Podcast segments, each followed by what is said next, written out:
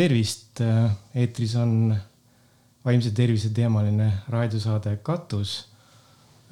täna on siis, vahet ei ole tegelikult, mis täna on, kahekümne esimene juuli peaks olema, aga me salvestame seda varem. täna teemaks selline veits üldisem ühiskondlik teema, tavaliselt on mul olnud küll külas kas mõned eksperdid või siis enamasti kogemuslugudega mingitel kindlatel diagnoosidel kohta, aga täna räägime psühhiaatrilise abi seaduse muudatusest, mis äh, nüüd umbes kuu aega tagasi tekitas päris korralikke laineid, lõpuks ometi.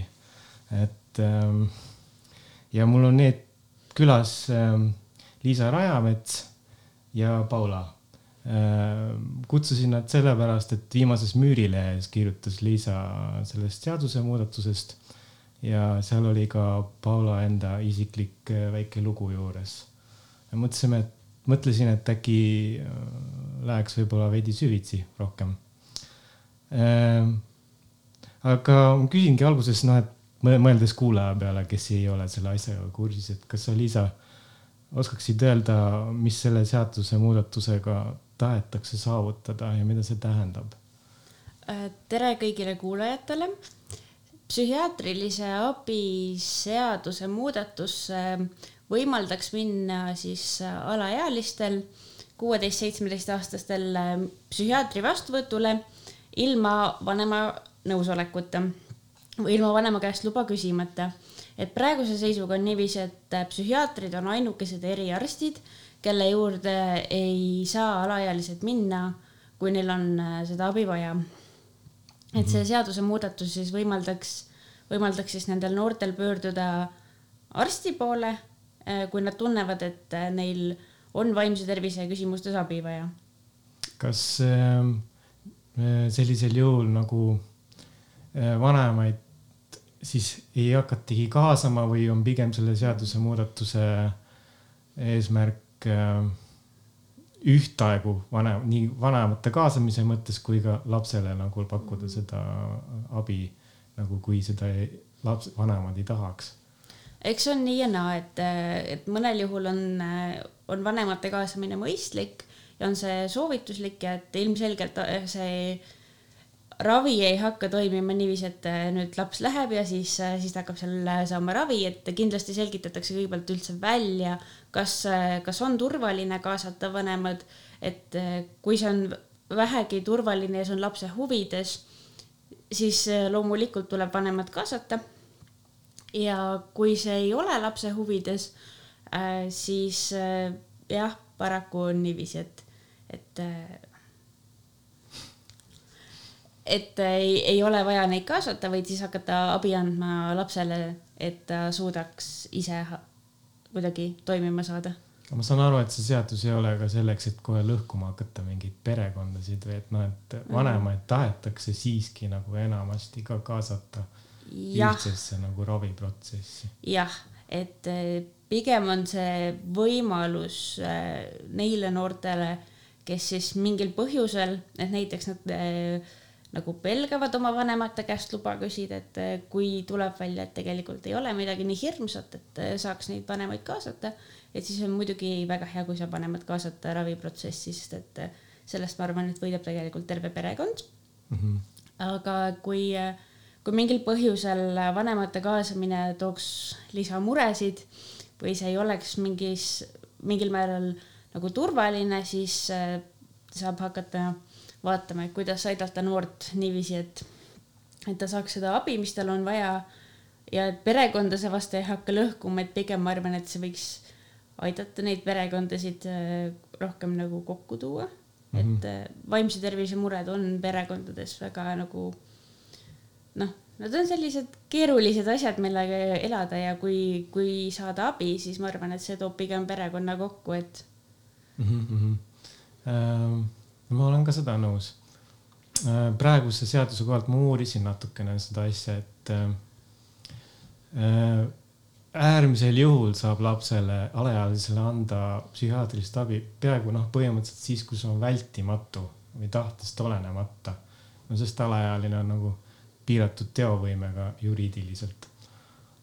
Siis, mis tähendab seda, et kui laps on juba suitsidaalne väga, kui ta on endale ja teistele ohuks ehk siis viimase piiri mhm. peal, vot siis saab teda võtta psühhiaatria mhm. haigla osakonda. aga ilmselt selle äh, seaduse põhieesmärk on nagu teha pikemat ennetustööd rohkem, et seda ei juhtuks sinna otsa mhm. peale. Ähm, ja praeguse seaduse järgi on ka niimoodi, et mõlemad eestkostjad Äh, mõne, mõlema vanema nõusolekut on vaja, et äh, psühhiaatri juurde pääseda. vähemalt ma lugesin seda kuskilt, et äh, kui näiteks ema tahab lapsele abi saada, aga isa ei taha, siis laps jääb sinna jagelemise vahele ja ta ei saa psühhiaatri poole pöörduda, kuna ei ole mõlema vanema luba. noh, selles mõttes, et päris, päris kehv lugu. muidugi ma enne ei olnud selle peale mõelnud isegi, meil on, meil oli külas äh, kooli, koolipsühholoog äh, Maili Tirel siis ka oli juttu, et koolipsühholoog peab iseenesest andma aru vanematele. noh, seal on muidugi hall ala, kui vanemad küsivad, et noh, et ta ei pea isiklikult minema iga kord rääkima neile, mis neil lapsel viga on. aga siiski noh, et meil oli jutt, et noh, et jah, et niimoodi olukord on, seadus on selline, tema ei saa midagi seda teha. rohkem ei mõelnud ja nüüd, kui see teema nagu üles kerkis, siis, siis on tundus täiesti loomulik, et miks, miks me ei võiks seda seadust niimoodi muuta äh,. kuidas sa selle artikli kirjutamiseni jõudsid või mis sulle näiteks selle artikli kirjutamise puhul, ilmselt sa tegid ka uurimistööd, mis sul kõige nagu valusamalt silma jäi? või midagi no, uut? ma selles, selle kirjutamiseni sattusin tänu sellele, et Müürileht tegi siis Eesti Noorte Vaimse Tervise Liikumisele ettepaneku e, eestvedajatele tegi ettepaneku, et keegi võiks kirjutada ja siis kuidagi kogemata kombel see minu nimi sinna sattus, et, et ma, et ma võin kirjutada ja siis ma mõtlesin, et noh, et kui ma juba lubasin, siis tuleb ära ka kirjutada, et ja siis, kui ma hakkasin vaatama, siis mm, no minu meelest see poliitiline jagelemine on natukene sihuke mõttetu või nagu mm -hmm. valus, et, et pannakse mingid oma mingid imelikud huvid ettepoole ja ei vaadata seda, mis see suurem pilt on. et meil on tegelikult praegu päris palju noori, kes võib-olla vajavad seda abi, aga nad jäävad, nad jäävad nagu sinna hammasrataste vahele kinni, aga mm -hmm ja psüühikahäired nagu kasvavad ja kasvavad ja siis, kui nad ükskord võib-olla abi juurde saavad, siis on juba noh, noh, neid võib olla võimalik päästa mm, -hmm. aga võib olla ka niiviisi, et neil on äh, palju raskem hakata oma, oma psüühikahäirega tegelema. et mulle, mulle nagu meeldiks mõelda, et, et kõik inimesed saavad võimalikult kiiresti abi, ükskõik mida, mis, mis neid vaevab, et kas see on depressioon või see on murtud jalaluu, et, et ma ei ütle, et üks on hullem kui teine mm. -hmm. sest et äh, mõlemad on omamoodi hullud, aga et kindlasti kiiresti abi saada, et nagu mida kiiremini, seda parem, et ma arvan, et keegi ei kahtle selles, et kui sa kuu aega käid murtud jalaluuga ringi, et, et siis see nagu hästi ei mõju, aga kui sa oled ikkagi juba tükk aega nagu depressiivsusele hakanud kalduma ja sa ei ole saanud abi, siis, siis see võib tegelikult palju, no see võib ühel hetkel ikka väga suureks, suureks kasvada, et see on niisugune lumepalliefekt, et alguses on mhm. väike ja siis nagu mingil hetkel see asi kasvab väga üle pea. sa ütlesid ka, et see nii-öelda see poliitiline mhm. debatt, et seal nagu osapooled on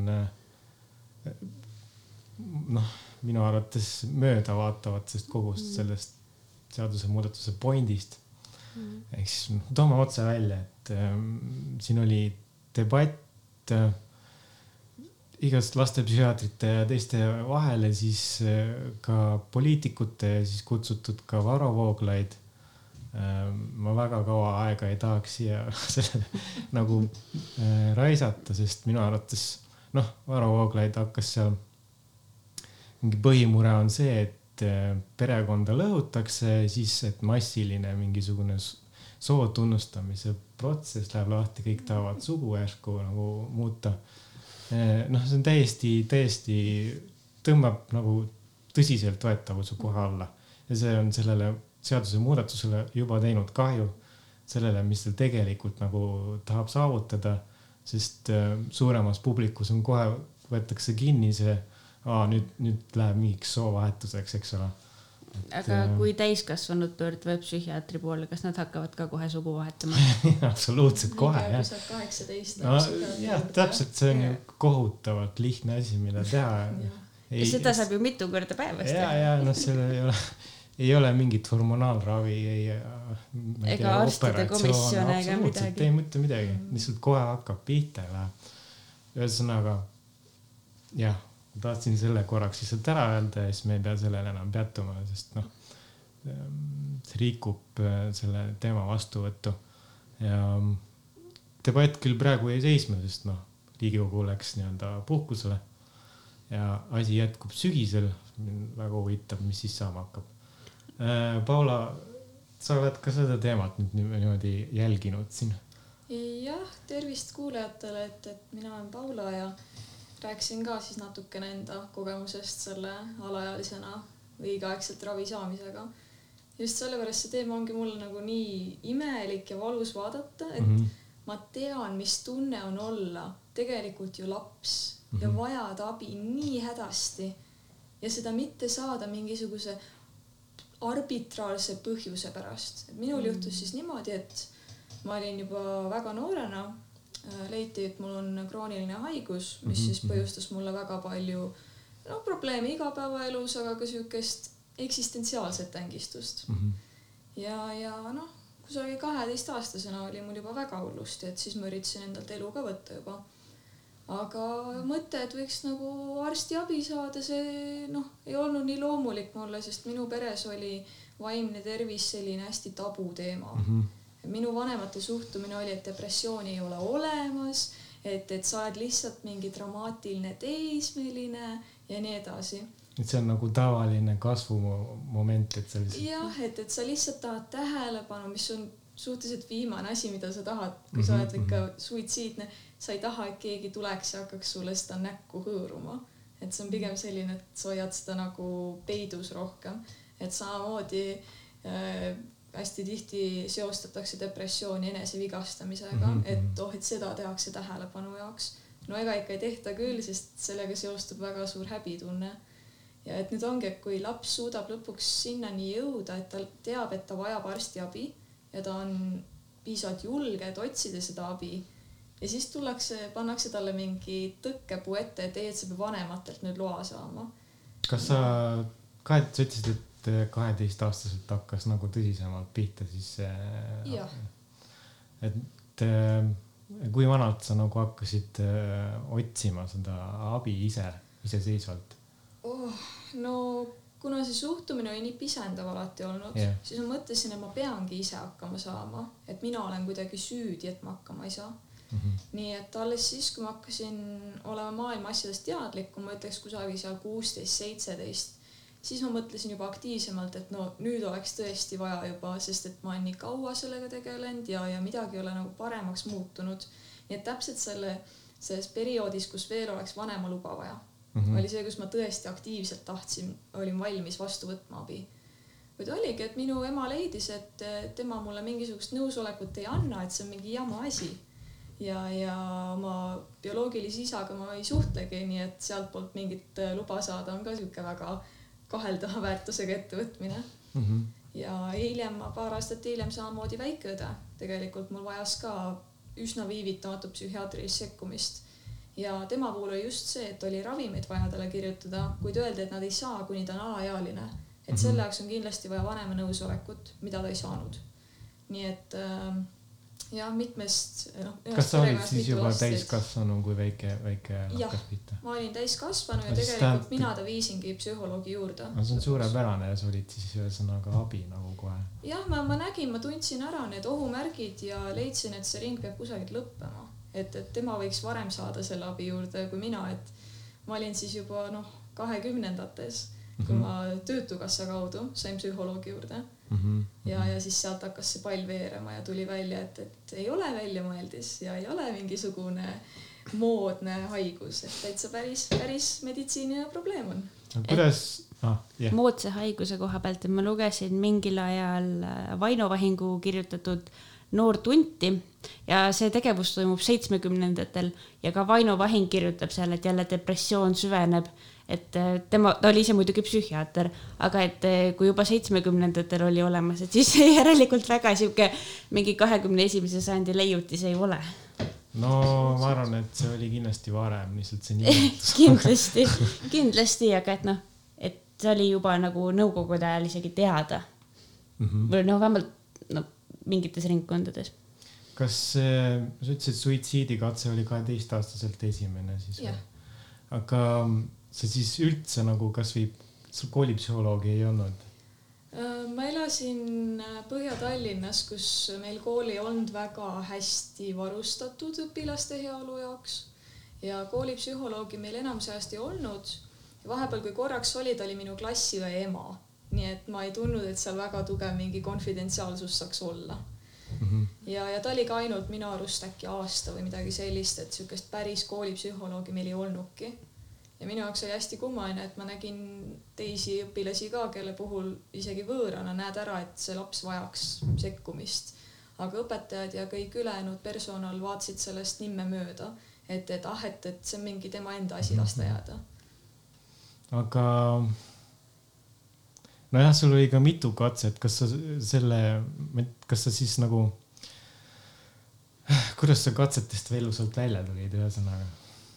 No see on see asi, et me võime jääda vaidlema, mis läheb, eks ju, katsena arvesse, kas mhm. juba see, kui sul on nöör kaelas või mitte, eks ju, noh näiteks. aga mul oli üldiselt ikkagi see, et, et eh, kui ma üritasin, siis mingisugune viimane nagu, viimane asi jäi ikkagi nagu tegemata, et, et näiteks kui üritad ennast, üritasin ennast ära uputada mm, -hmm. et no, no ei saa sinna jääda lõputult, et ikka viimasel hetkel kisub pinnale ja siis tuleb selline nagu süümepiinade laine, et ah, isegi sellega ei saa hakkama. ja et, et nagu see on, see on nii kummaline. no täpselt, keha ei taha ja, ja sellepärast ongi nii kummaline see, kuidas see haige aju mõtleb. et, et nüüd, kui mul on nagu parem tänu, tänu ravile, on nagu veidike veider tagasi vaadata, et issand, et ma tõesti arvasin, et see on loogiline järeldus asjadele, et nüüd ma lähen ja uputan ennast ära või, või niimoodi, et lihtsalt kahju on teada, kui palju on neid noori, kes praegu samamoodi mhm. on on otseses ja kaudses mõttes uppumas ja mingi poliitilise mängu tõttu nad võib-olla upuvadki päriselt. nojah, selles mõttes, et palju see oli, et kuni maikuuni vist statistika, et juba seitse alaealist on võtnud endalt elu et eelmine, eelmine ja on küll, eelmise aasta peale tervikuna oli kaheksa, nii et see aasta on võib-olla selline karm aasta, et noh. no eks see karantiin ka mõjub, et kui sul on juba mittetoetav perekond või taevashoia vägivaldne perekond. sa pead nüüd iga päev koos olema, et noh, et. ja, ja vanematele on lisatud stress ka selle tööolukorraga, et, et seda on teada, et selle karantiini tingimustes koduvägivalla juhtumid on suurenenud ja ega lapsed ei ole ka sellest ju kõrvale jäetud, arvestatud aga stressist ei ole pääsenud ka need, kellel on tegelikult toetavad vanemad, et äh, ajukeemia on selline, nagu ta on, et sul võivad olla väga toetavad vanemad ja väga toetavad sõbrad, aga kui sul ajukeemia läheb paigast ära ja, ja sa ei saa seda abi, siis äh, noh, need inimesed ei jõua ka sinuni. et, äh, et mingil hetkel on sellist professionaalset abi ikkagi ka vaja. loomulikult, võib-olla vanematel oleks noh ei saa nõuda vanemad, et nad kõik asjad, kõikide asjadega kursis oleksid. aga nagu mingi teadlikkuse tõstmiseks vaimsetest, vaimse tervise teemadest. Äh, ma olen seda saadet teinud, siis ma olen ka kuulnud mõned vanemad inimesed, kas tõesti niimoodi on või niimoodi, siis nad on kohe valmis nagu selle võtma, aga nagu nad tavaelus nad lihtsalt ei ole kuulnud, ei tea, mida see tähendab. et äh, vanemad ei pea isegi olema mingid vägivaldsed või et kes hoiavad kinni, nad lihtsalt ei saa aru ja võib-olla siis, kui laps saab ise juba psühhiaatri juurde minna ja informeeritakse näiteks vanemat sellest, siis äkki vanem hakkab ka rohkem mõtlema selle peale.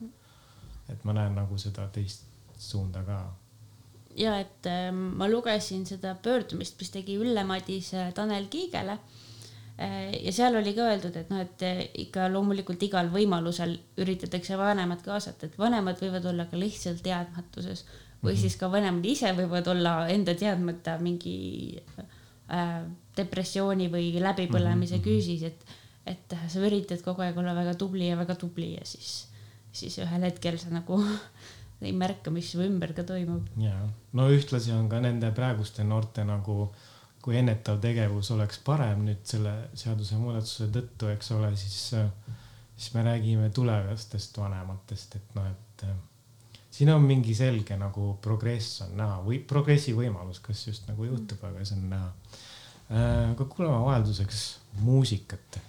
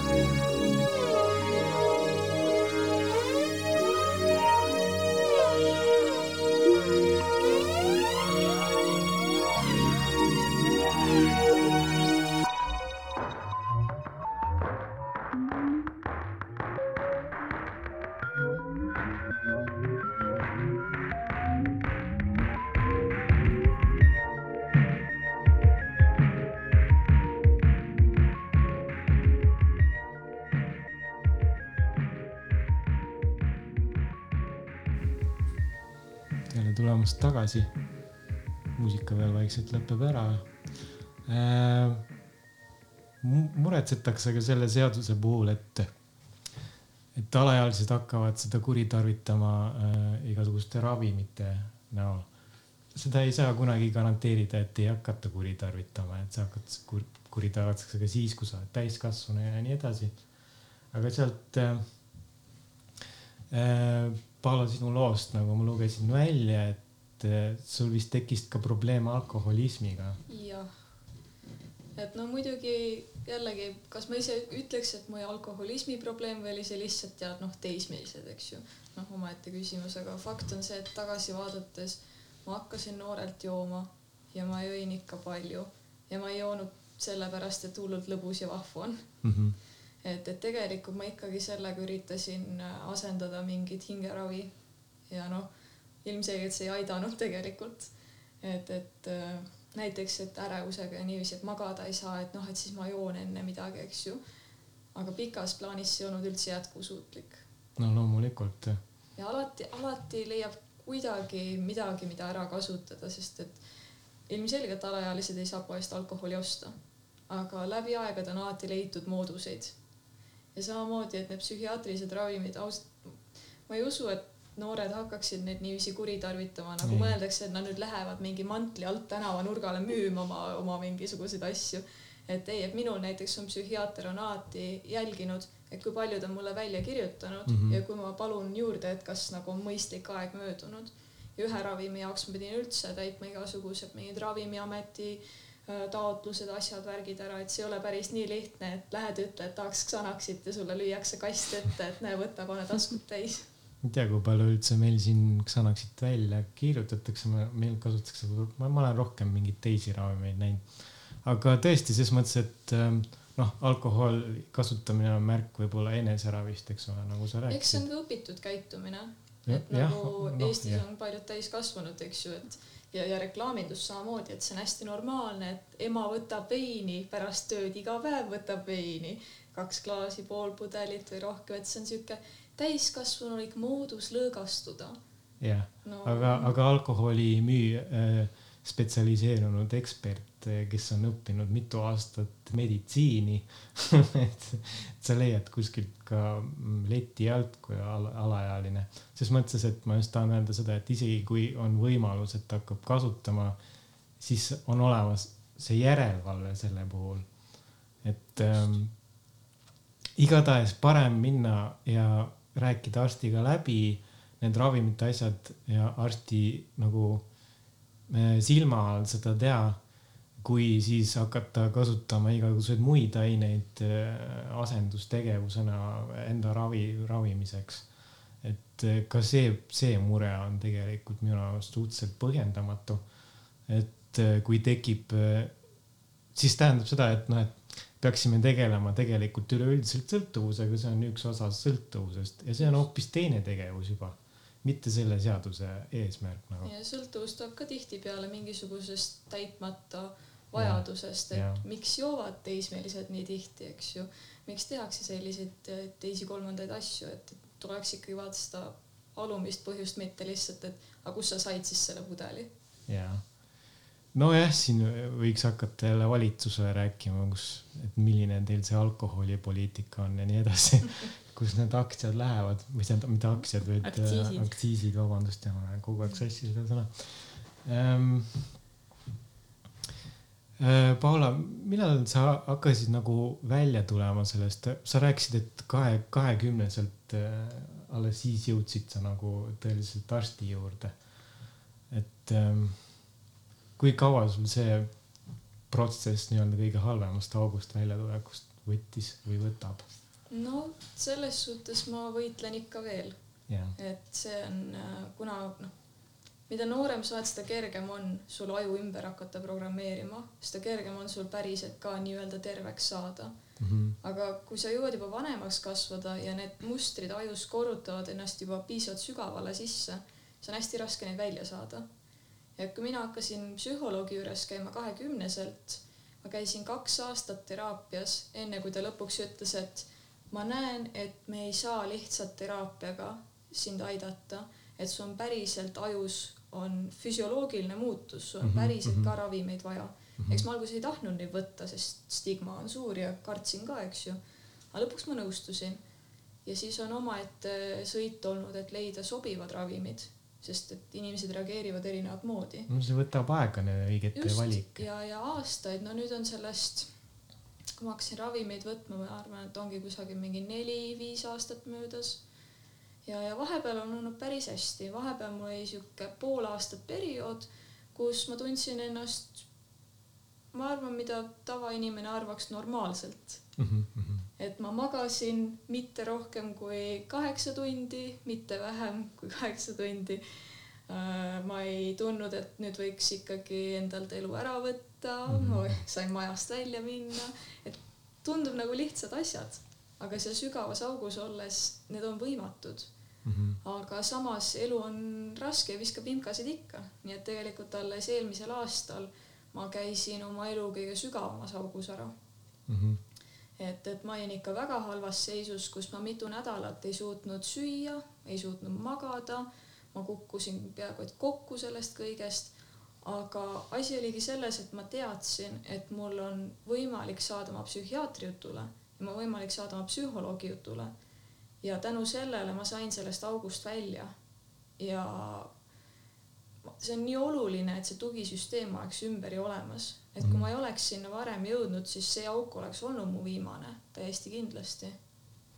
kas sul on tugisüsteem, tugisüsteem ka väljaspool arste, ses mõttes praegu, kas sõbrad aitavad, kuidas sul ema praegu suhtub sellesse ma ei suhtle oma emaga väga okay.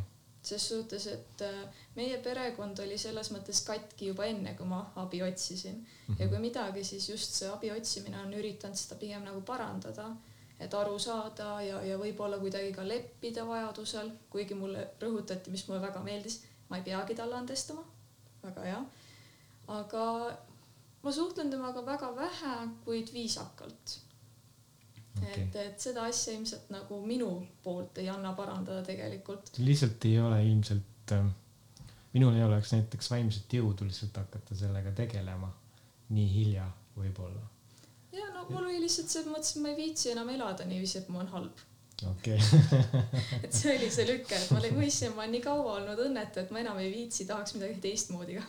noh, see, see on vist põhiasi meil vist küll jah. Liisa, ma kuulsin sind poole kõrvaga, et sa oled ka ärevushäirest rääkinud oma kogemuste pealt. kas ja. Äh, sa oleksid nõus ka oma kogemust jagama, kas sul oli ka alaealisena mingid probleemid või hakkasid pigem pärastpoole? Äh, tegelikult ma arvan, et minu probleemid hakkasid umbes siis, kui ma olin neliteist, et ma tõesti ei teadnud, et kas see oli, äh, et, et millest see siis nagu täpselt alguse sai, sest et äh, mul on tegelikult õnneks olnud väga toetavad vanemad ja siis ma hakkasin ka uurima vaimse tervise teemade kohta. aga ütleme, et sel ajal sel, see ei olnud veel nii, nii populaarne või nagu nii teada teema. et ühesõnaga ma äh, Äh, suurest tarkusest diagnoosisin, diagnoosisin endale ise bipolaarse häire, sest mõni päev mm -hmm. ma olin mhm. rõõmus, mõni päev ma olin kurb. järelikult bipolaarne häire on ju. ja siis, aga et, et ma arvan, et ma olin kuusteist, kui mu ema küsis, et äh, põhikooli lõpp oli ka, et, et äkki oleks mõistlik minna psühholoogi juurde. ja siis ma läksin psühholoogi juurde. Psühholoog oli väga tore naine, aga mure oli selles, et ma olin koolis õppinud selgeks, et sa ei saa oma probleemidest rääkida, et isegi kui ma oma emaga oleks nagu saanud rääkida, siis ma tegelikult tundsin seda, et ma pean kogu aeg vastama õigesti. et äh, ma ei saa öelda seda, mis ma päriselt mõtlen või mis ma päriselt tunnen. ja siis ma rääkisin psühholoogile ka ja siis tema vaatas, et ahhaa, et, et tundub, et sul on lihtsalt koolistress, et tegelikult võib-olla seal taga oli midagi sügavamat. Aga ma lihtsalt ise teadsin seda, et äh, nagu ma olin kuidagi väga sisse õppinud selle, et, et peab olema äh, õige, õiged vastused ja pead olema kogu aeg väga tubli. Ja siis äh, gümnaasiumi ajal ma olin ka sihuke suhteliselt äh, kurvake. Aga et äh, minu jaoks äh, muutused hakkasid tekkima ülikooli ajal, et siis ma põlesin ühe korra täiega niiviisi läbi, et äh, ma olin nagu kutu omadega mõnda aega aga siis ma otsustasin, et ma lähen psühhiaatri juurde. ma olin oma emale juba ammu rääkinud ka igasugustest asjadest, et mis on, et, et äh, mõnikord on sihuke ärevus, et ei saa midagi teha ja mõnikord on äh,, ei saa voodist välja ega midagi ja siis, siis kui ma psühhiaatri juurest äh, tagasi jõudsin, ütlesin, et jaa, et psühhiaater ütles, mul on ärevushäire äh, et siis ta ütles mulle, et said, mis tahtsid, ma ütlesin, et jah, sain jah, mis ma tahtsin. et ma tegelikult tundsin seda, et ma sain, ma sain nagu aru et millega ma pean tegelema, et see ei ja. ole minu, äh, et see ei ole minu iseloom, vaid et mul on nagu häire ja ma saan selle kontrolli alla võtta. et äh, ärevus nagu oli välja pigem ülikooli ajal, et enne oli sihuke depressiooni moodi asi rohkem. Aga seda ei ole mul mitte keegi diagnoosinud, peale selle ma ise diagnoosisin endale igasugused asjad, mida mul ilmselt ei olnud okay.. et kergelt hüpohondriline või? Äh, jah, või siis oli nagu see teema ka, et nagu, et äh, mõnes mõttes mulle tundub, et meil on vaimse tervise mured nagu romantiseeritud mm, -hmm. et äh, jah, ta kannatab ja see on nii ilus, kuidas ta kannatab, aga tegelikult see ei ole ilus, et ta nagu päriselt kannatab selle all, et, et äh.... kummaline, et ühtpidi nagu stigmatiseeritud tabu ja siis mm. teistpidi jälle mingist äärmusest on nagu mm. romantiseeritud. see sõltub, mis ringkonnast, ma olen hästi palju seda ise näinud oma elus, et kui on tegu mingisuguste kunstnikutega, muusikutega mm, -hmm. siis on hirmus romantiline no. Okay, ta kannatab oma kunsti nimel mm -hmm. ja siis ma vaatan kõrvalt või tean inimest väga lähedalt, et usu mind, see kannatus ei ole ilus. ma olen mm. näinud, kui kole see on yeah ja okei okay,, sellest võib tulla mingit head kunsti, eks ju, mõni, mõni hea album, näiteks Downward Spiral, väga hea teos. aga seda läbi elada ei ole mitte midagi romantilist ega ägedat ja keegi mm, -hmm. mitte keegi ei taha seda endale. Kas äh, sinu ajal, noh, siin rääkisime ene, enesediagnoosist ka, tänapäeval internetist on võimalik kõik endale üles otsida äh,. kas sa seda ka jälg-, vaatasid, et sa ise nagu otsid mingisugused infot selle teema kohta? kusjuures see oli minu jaoks hästi suureks abiks tegelikult. et, et mina olin veel sellisel ajastul, kui Tumblr oli normaalne koht ja aktiivne et seal nagu räägiti hästi palju nendest enesehoolitsuse ja vaimse tervise asjadest ja ma sain sealt nagu seda mingisugust tuge ja julgustust, mida ma siis oma, oma kas siis koolikaaslaste või perekonna käest ei saanud mm. -hmm. ja samamoodi, et ka tänapäeval ma omaette olen naernud, et meemid on nii hea meedium mm, -hmm. et, et need vaimse tervise meemid aitasid mul oma diagnoosi õigeks saada.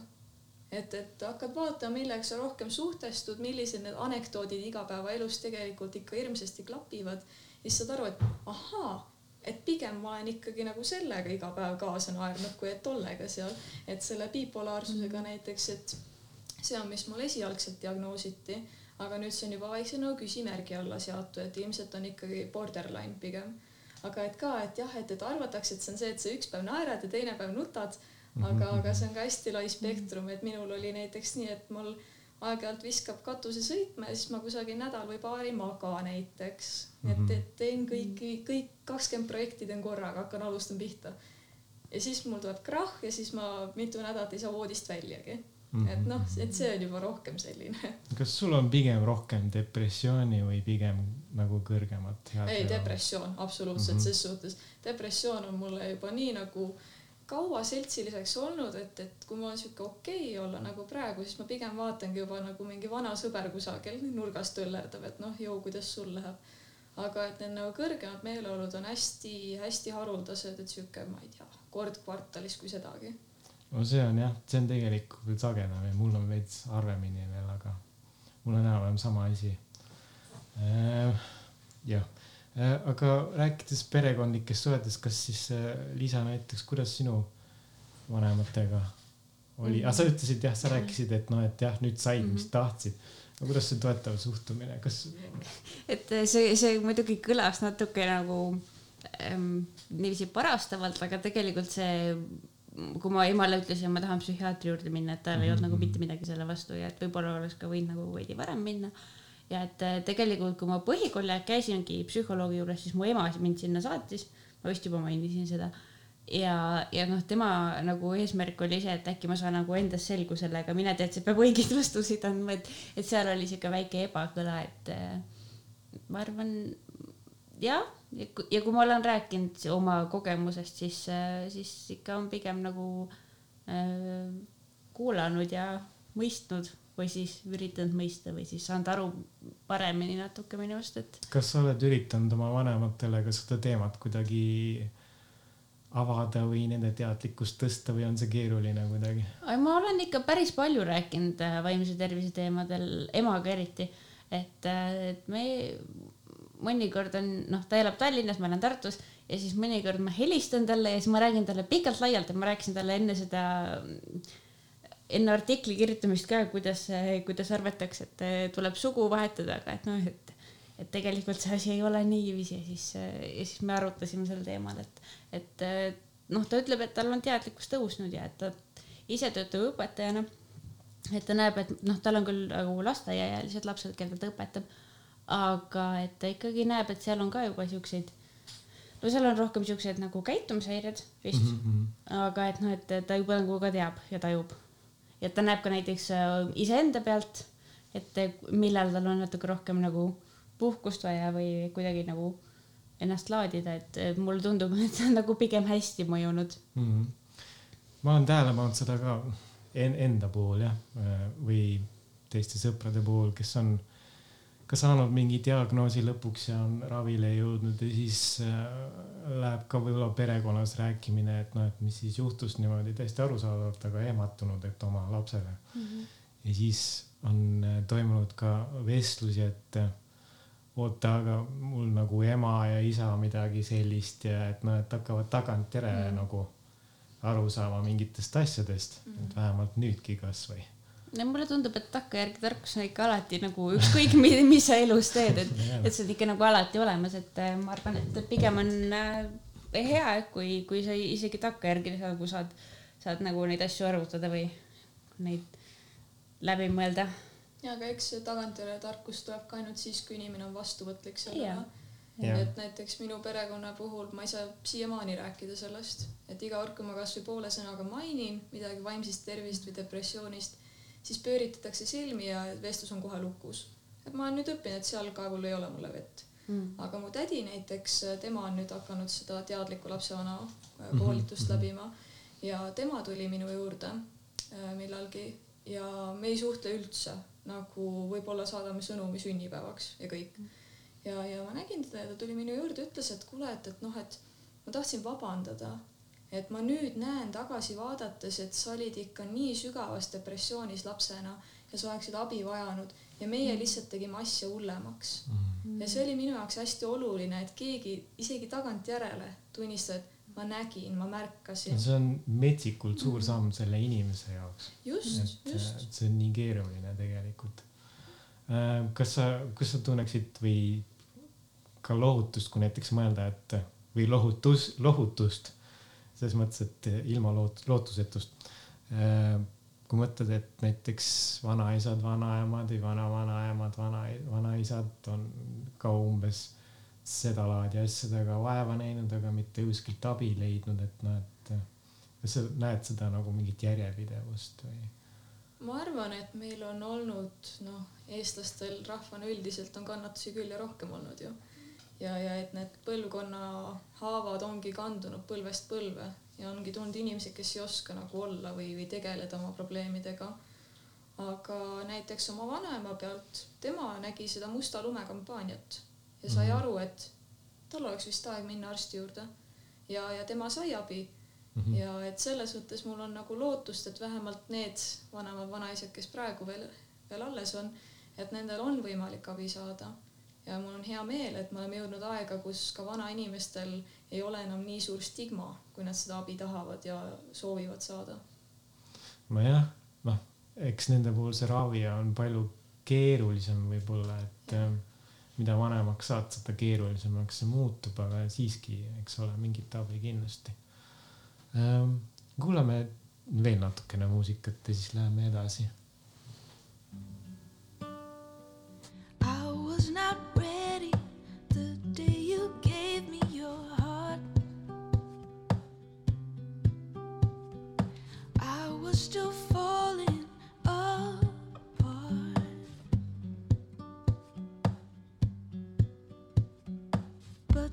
and more.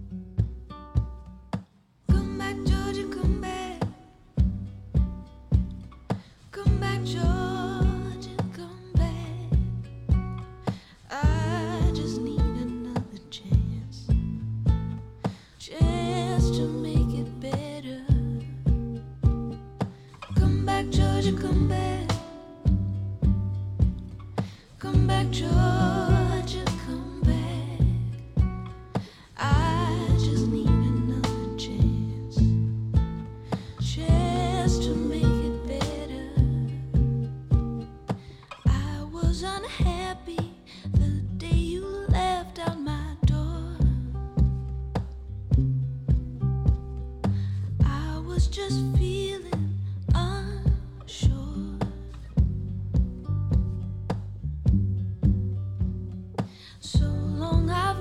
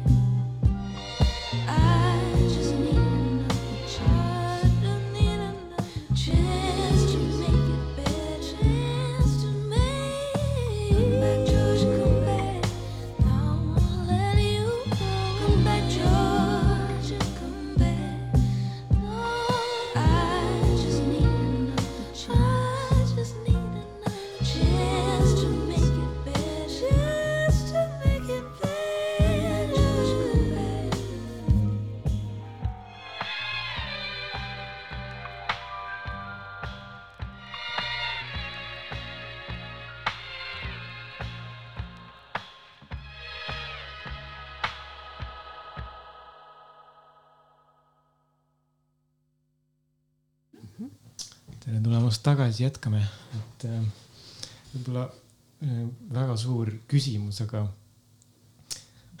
sa rääkisid, et äh, su tädi läbib seda koolitust, teadliku vanema koolitus. Jah, milline peaks olema teadlik vanem siis?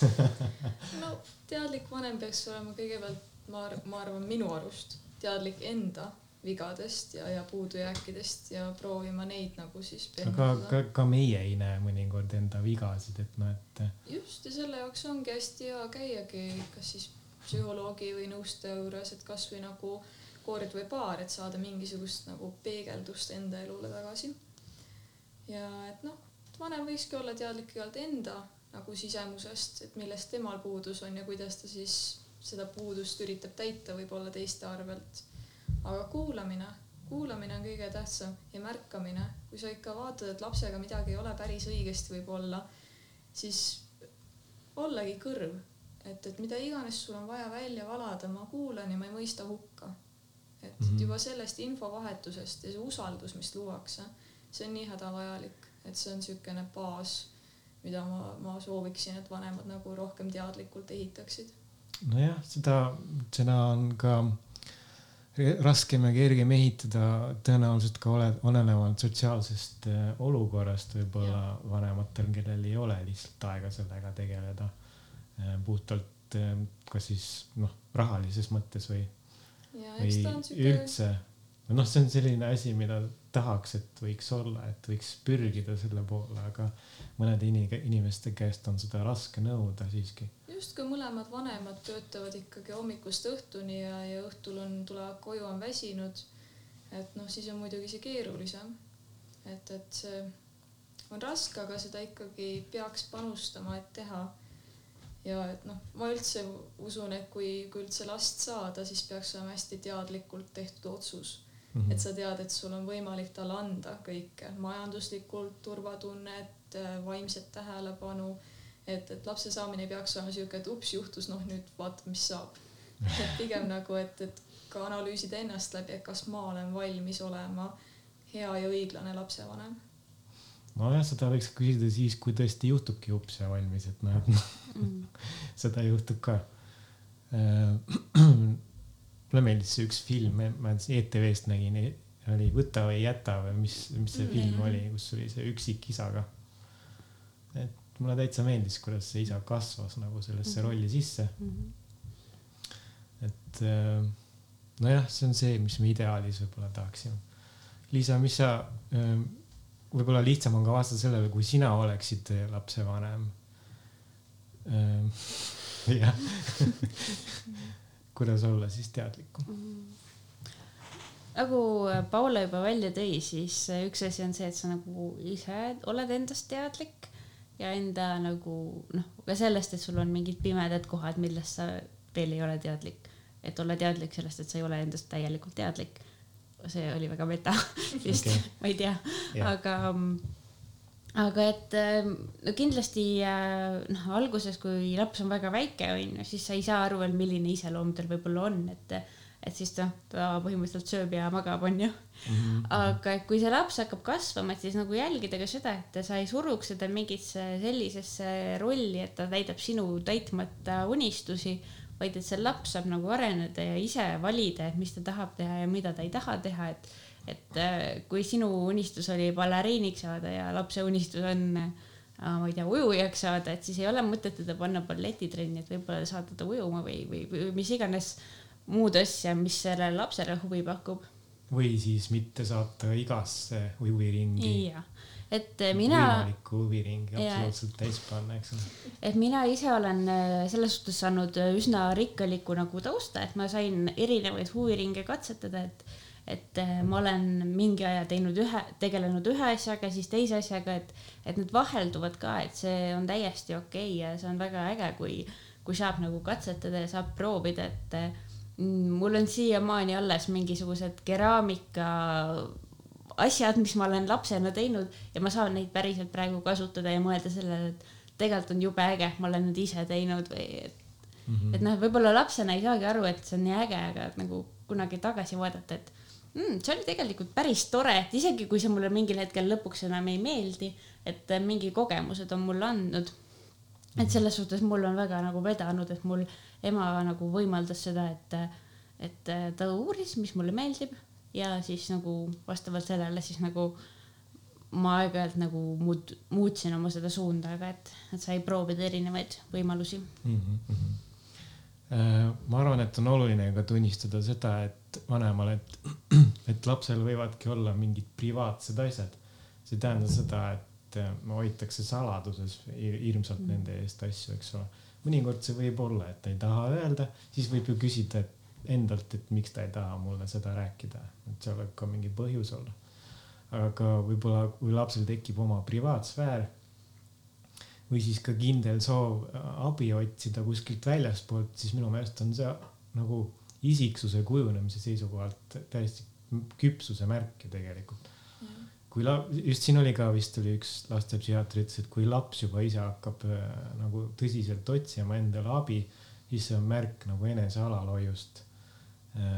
sellest, et ta on juba vaimselt sealmaal, kus ta oskab ise otsustada enda üle ja nii edasi, et noh, et eks seal ole selline köis kõndida, kus otsast on nagu privaatsfäär hästi ja kus otsast on niimoodi, et mulle ei räägita asjadest. Eks seda peab tunnistama ka, et ega teismelised mõnikord eh, lihtsalt ei tahagi rääkida asjadest. et see on nagu teine ots jällegi, et eh, võib-olla vanemad ei ole isegi vastu sellele, et rääkida, võib-olla, võib-olla mõni vanem on niimoodi, palun räägi mulle oma munedest, aga siis ta laps võtab niimoodi, et ma tõesti ei taha praegu sulle rääkida nendest. et see suhe aga võib võib-olla olla see asi vajab nagu settimist või kuidagi nagu endal läbimõtlemist, et, et ei ole vaja kohe kõigest rääkida. Et sa võidki nagu iseenda jaoks läbi mõelda ja võib-olla see asi läheb mööda üldse või ma ei tea, äkki on mingi väike asi tegelikult, mis sul tuju rikkunud on või mi- ma ei tea, mis iganes. see ongi, et lapsel tuleb anda seda ruumi, et kui ta tahab hoida asja endale, siis et ta teab, et tal on see õigus privaatsusele, aga et samas on piisavalt turvaline õhkkond, et kui ta tunneb soovi ja vajadust, siis ta saab seda jagada. Mhm. et siukene kahe asja arvestamine.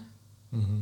see on nagu mingi paralleel on sellel, ma ei tea, kas on, ei ole, vist ei ole ühtki teismelist, kes poleks, kui neil on oma tuba, see oma tao uksele pannud, mitte sisse tulla või mitte koputada enne kui tuleb, et see on nagu märge ka sellest privaatsuse vajadusest. minu meelest see on lihtsalt puht elementaarne viisakus, et et lihtsalt koputada, et isegi kui ma tahan, ma ei tea, okei okay,, võib-olla kui on mingi avatud tuba, et no mingi kööki on ju, siis sinna võib vast minna, aga, aga kui see on jah kellegi äh, privaatsfäär, et ükskõik, kas ta on laps või ta on täiskasvanu või, või mis iganes, et, et äh, minu meelest see on lihtsalt nagu elementaarne viisakus, et sa koputad enne, kui sa uksest sisse astud. võib-olla see teine inimene vahetab riideid, võib-olla ta tahab magada, mis iganes, et, et äh, ja siis võikski analoogiga öelda, analoogselt öelda, et, et kui on mingi teema vaimsetest häiretest või on vaja rääkida mingit tõsistest teemadest, siis palun koputa ukse peale enne mm..